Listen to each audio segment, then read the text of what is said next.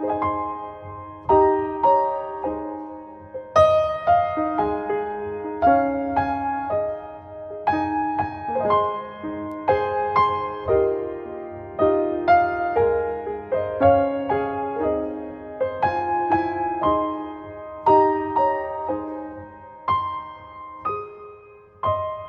pagi umat-umat yang Tuhan kasihi.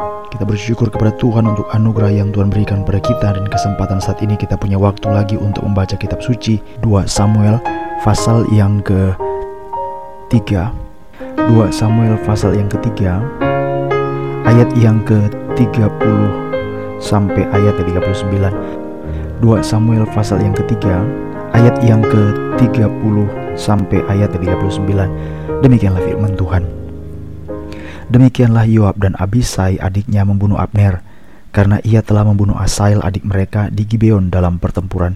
Dan berkatalah Daud kepada Yoab dan kepada segala rakyat yang bersama-sama dengan dia, Koyakkanlah pakaianmu dan lilitkanlah pada tubuhmu kain kabung dan merataplah di depan mayat Abner. Raja Daud sendiri pun berjalan di belakang usungan mayat. Ketika orang menguburkan Abner di Hebron, maka menangislah raja dengan suara nyaring pada kubur Abner dan seluruh rakyat pun menangis. Karena Abner, raja mengucapkan nyanyian ratapan ini. Apakah Abner harus mati seperti orang bebal? Tanganmu tidak terikat dan kakimu tidak dirantai.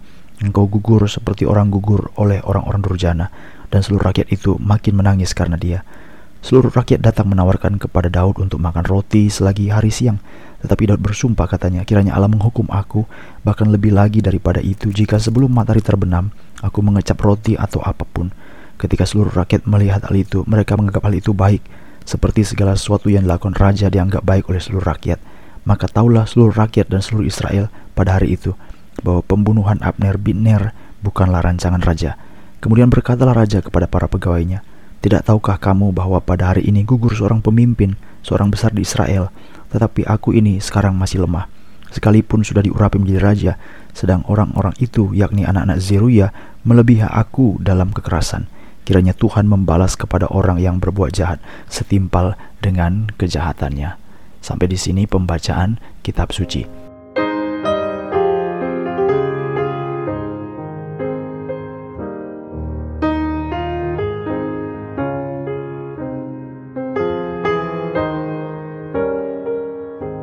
Umat-umat yang Tuhan kasihi pada waktu kita membaca bagian ini maka kita sedang diperhadapkan pada kedua dari tiga nyanyian ratapan Daud. Pada waktu dia menduduki tahta kerajaan menjadi raja atas orang Israel, ada peristiwa duka yang dialaminya dan tiga peristiwa duka ini adalah peristiwa yang mengiringi saat-saat di mana dia akan masuk kepada tahta kerajaan itu.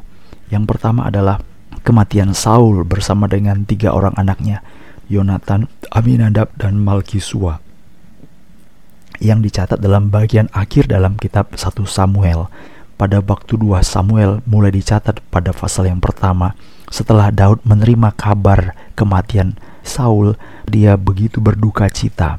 Dan ada peristiwa di sana yaitu ada orang yang mengatakan bahwa dia membunuh Saul padahal berbohong sebenarnya, tetapi orang ini diganjar dengan hukuman mati oleh Daud karena tidaklah patut berbuat demikian kepada raja.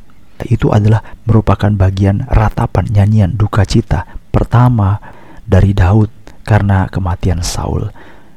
Yang kedua adalah bagian yang baru kita baca ini, yaitu kematian seorang yang bernama Abner bin Ner. Siapakah ini? Abner bin Ner adalah panglima daripada Saul. Jadi dia mati, terbunuh, dibunuh oleh Yoab, panglima daripada Daud seolah-olah pada waktu itu kematian Abner bin Ner itu adalah perintah daripada Daud. Padahal bukan. Ini adalah dendam pribadi. Kita membaca 2 Samuel pasal yang ketiga ayat yang ke-36 dikatakan ketika seluruh rakyat melihat hal itu mereka menganggap hal itu baik. Seperti segala sesuatu yang dilakukan raja dianggap baik seluruh rakyat. Maka tahulah seluruh rakyat dan seluruh Israel pada hari itu bahwa pembunuh Abner bin Ner bukanlah rancangan raja. Jadi Daud merasa kehilangan. Seorang Abder Biner adalah seorang yang menyatakan untuk membawa seluruh orang Israel berada di bawah pemerintahan Daud.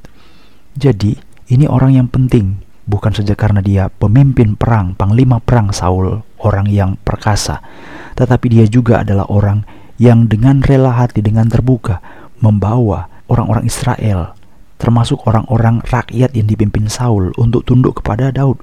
Dan kalau kita baca dalam kitab 2 Samuel pasal 3 ayat 9 sampai 10, Abner Biner mengatakan kiranya Allah menghukum Abner bahkan lebih lagi jika tidak kulakukan kepada Daud seperti yang dijanjikan Tuhan dengan bersumpah kepadanya, yakni memindahkan kerajaan dari keluarga Saul dan mendirikan tahta kerajaan Daud atas Israel dan atas Yehuda dari dan sampai Barsheba. Jadi Abner bin ternyata juga tahu bahwa Tuhan telah berjanji kepada Daud, Daudlah menjadi raja. Jadi ini orang yang penting sekali. Tetapi dia mati di tangan Yoab. Dan kematiannya itu sebenarnya tanpa duga-duga, bukan dalam keadaan perang. Abner bin Ner itu menuruti apa kata Yoab. Seolah-olah ingin berbicara. Ditarik ke samping. Seolah-olah hal, hal pribadi yang ingin disampaikan.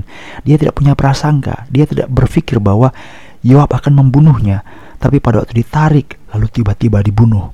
Nah itulah sebabnya Daud begitu sedih sekali dan kalau kita baca pada bagian ini, maka Daud itu mengatakan dalam ayat yang ke-38 sampai 39, tidak tahukah kamu bahwa pada hari ini gugur seorang pemimpin, seorang besar di Israel, yaitu Abner bin Ner itu. Tetapi aku ini sekarang masih lemah, sekalipun sudah diurap menjadi raja, sedangkan orang-orang ini anak-anak Zeruya, maksudnya itu salah satunya adalah Yoab, yang membunuh Abner bin Ner, melebihi aku dalam kerasan. Kiranya Tuhan membalas kepada orang yang berbuat jahat, setimpal dengan kejahatannya. Nah, yang ketiga adalah kematian daripada isi Bosyet. Dalam hal ini pun, Daud merasa berduka cita kalau kita membaca waktu Boset mati, maka kita melihat bahwa ada suatu duka cita juga yang dialami Daud pada pasal yang keempat.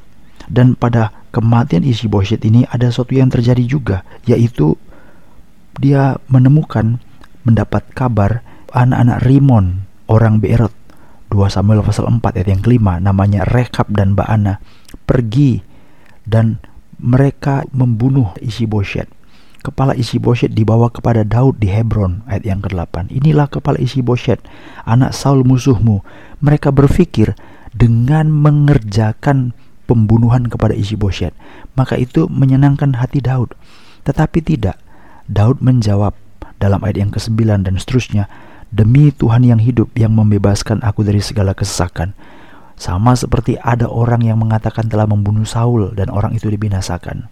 Demikian juga pada waktu itu ada orang yang mengatakan membunuh isu Bosyet, maka mereka pun akan dibinasakan.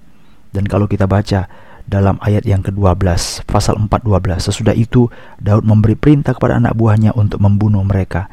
Tangan dan kaki mereka dipotong, kemudian mayat mereka digantung di tepi telaga Hebron. Apa arti semua ini? Dalam tiga peristiwa duka cita ini, semua tiga ini mendapatkan pembalasan. Yang pertama, ada orang yang mengaku bahwa dialah membunuh Saul, dia dimatikan. Yang kedua, ada orang yang mengatakan membunuh Boshet anak Saul, dia pun dimatikan. Dan yang ketiga, bagaimana dengan Yoab yang membunuh Abdir Biner waktu itu tidak dimatikan. Tetapi nanti satu raja-raja pasal yang kedua, akhirnya Yoab diminta oleh Daud agar Salomon membunuhnya. Karena setiap pembunuhan itu diganjar dengan hukuman mati.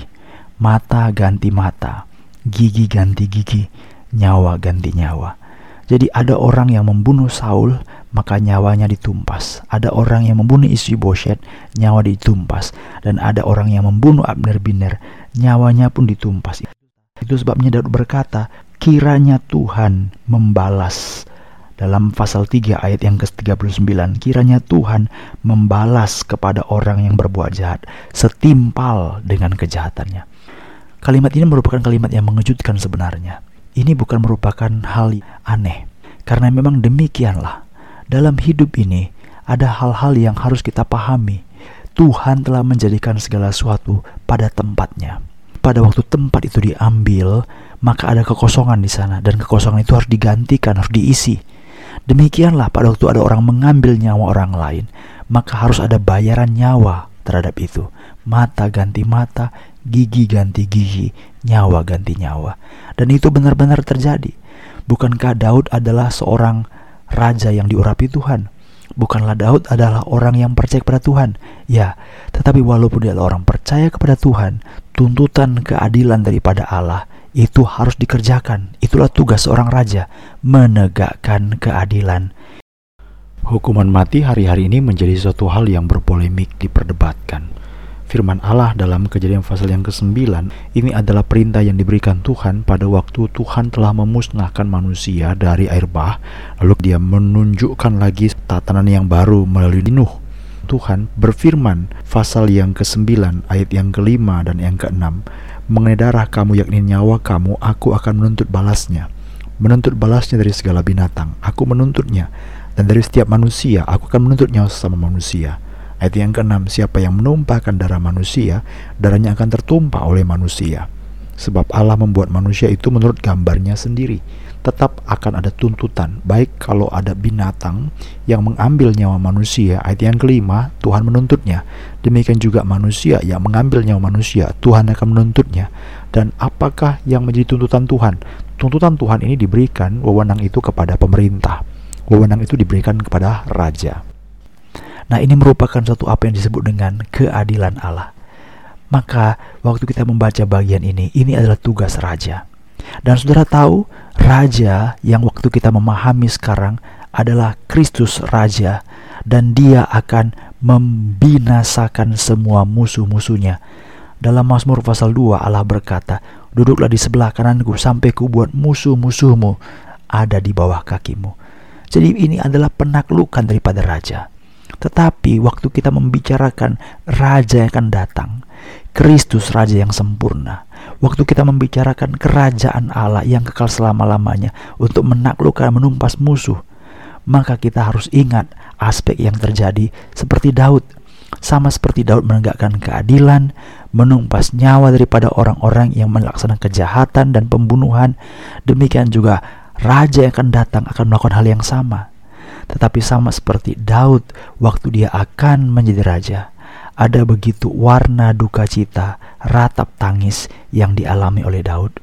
Sama seperti itu dengan Kristus Tuhan kita. Dia punya pelayanan, dia punya kehidupan, dia punya perjalanan dalam sejarah.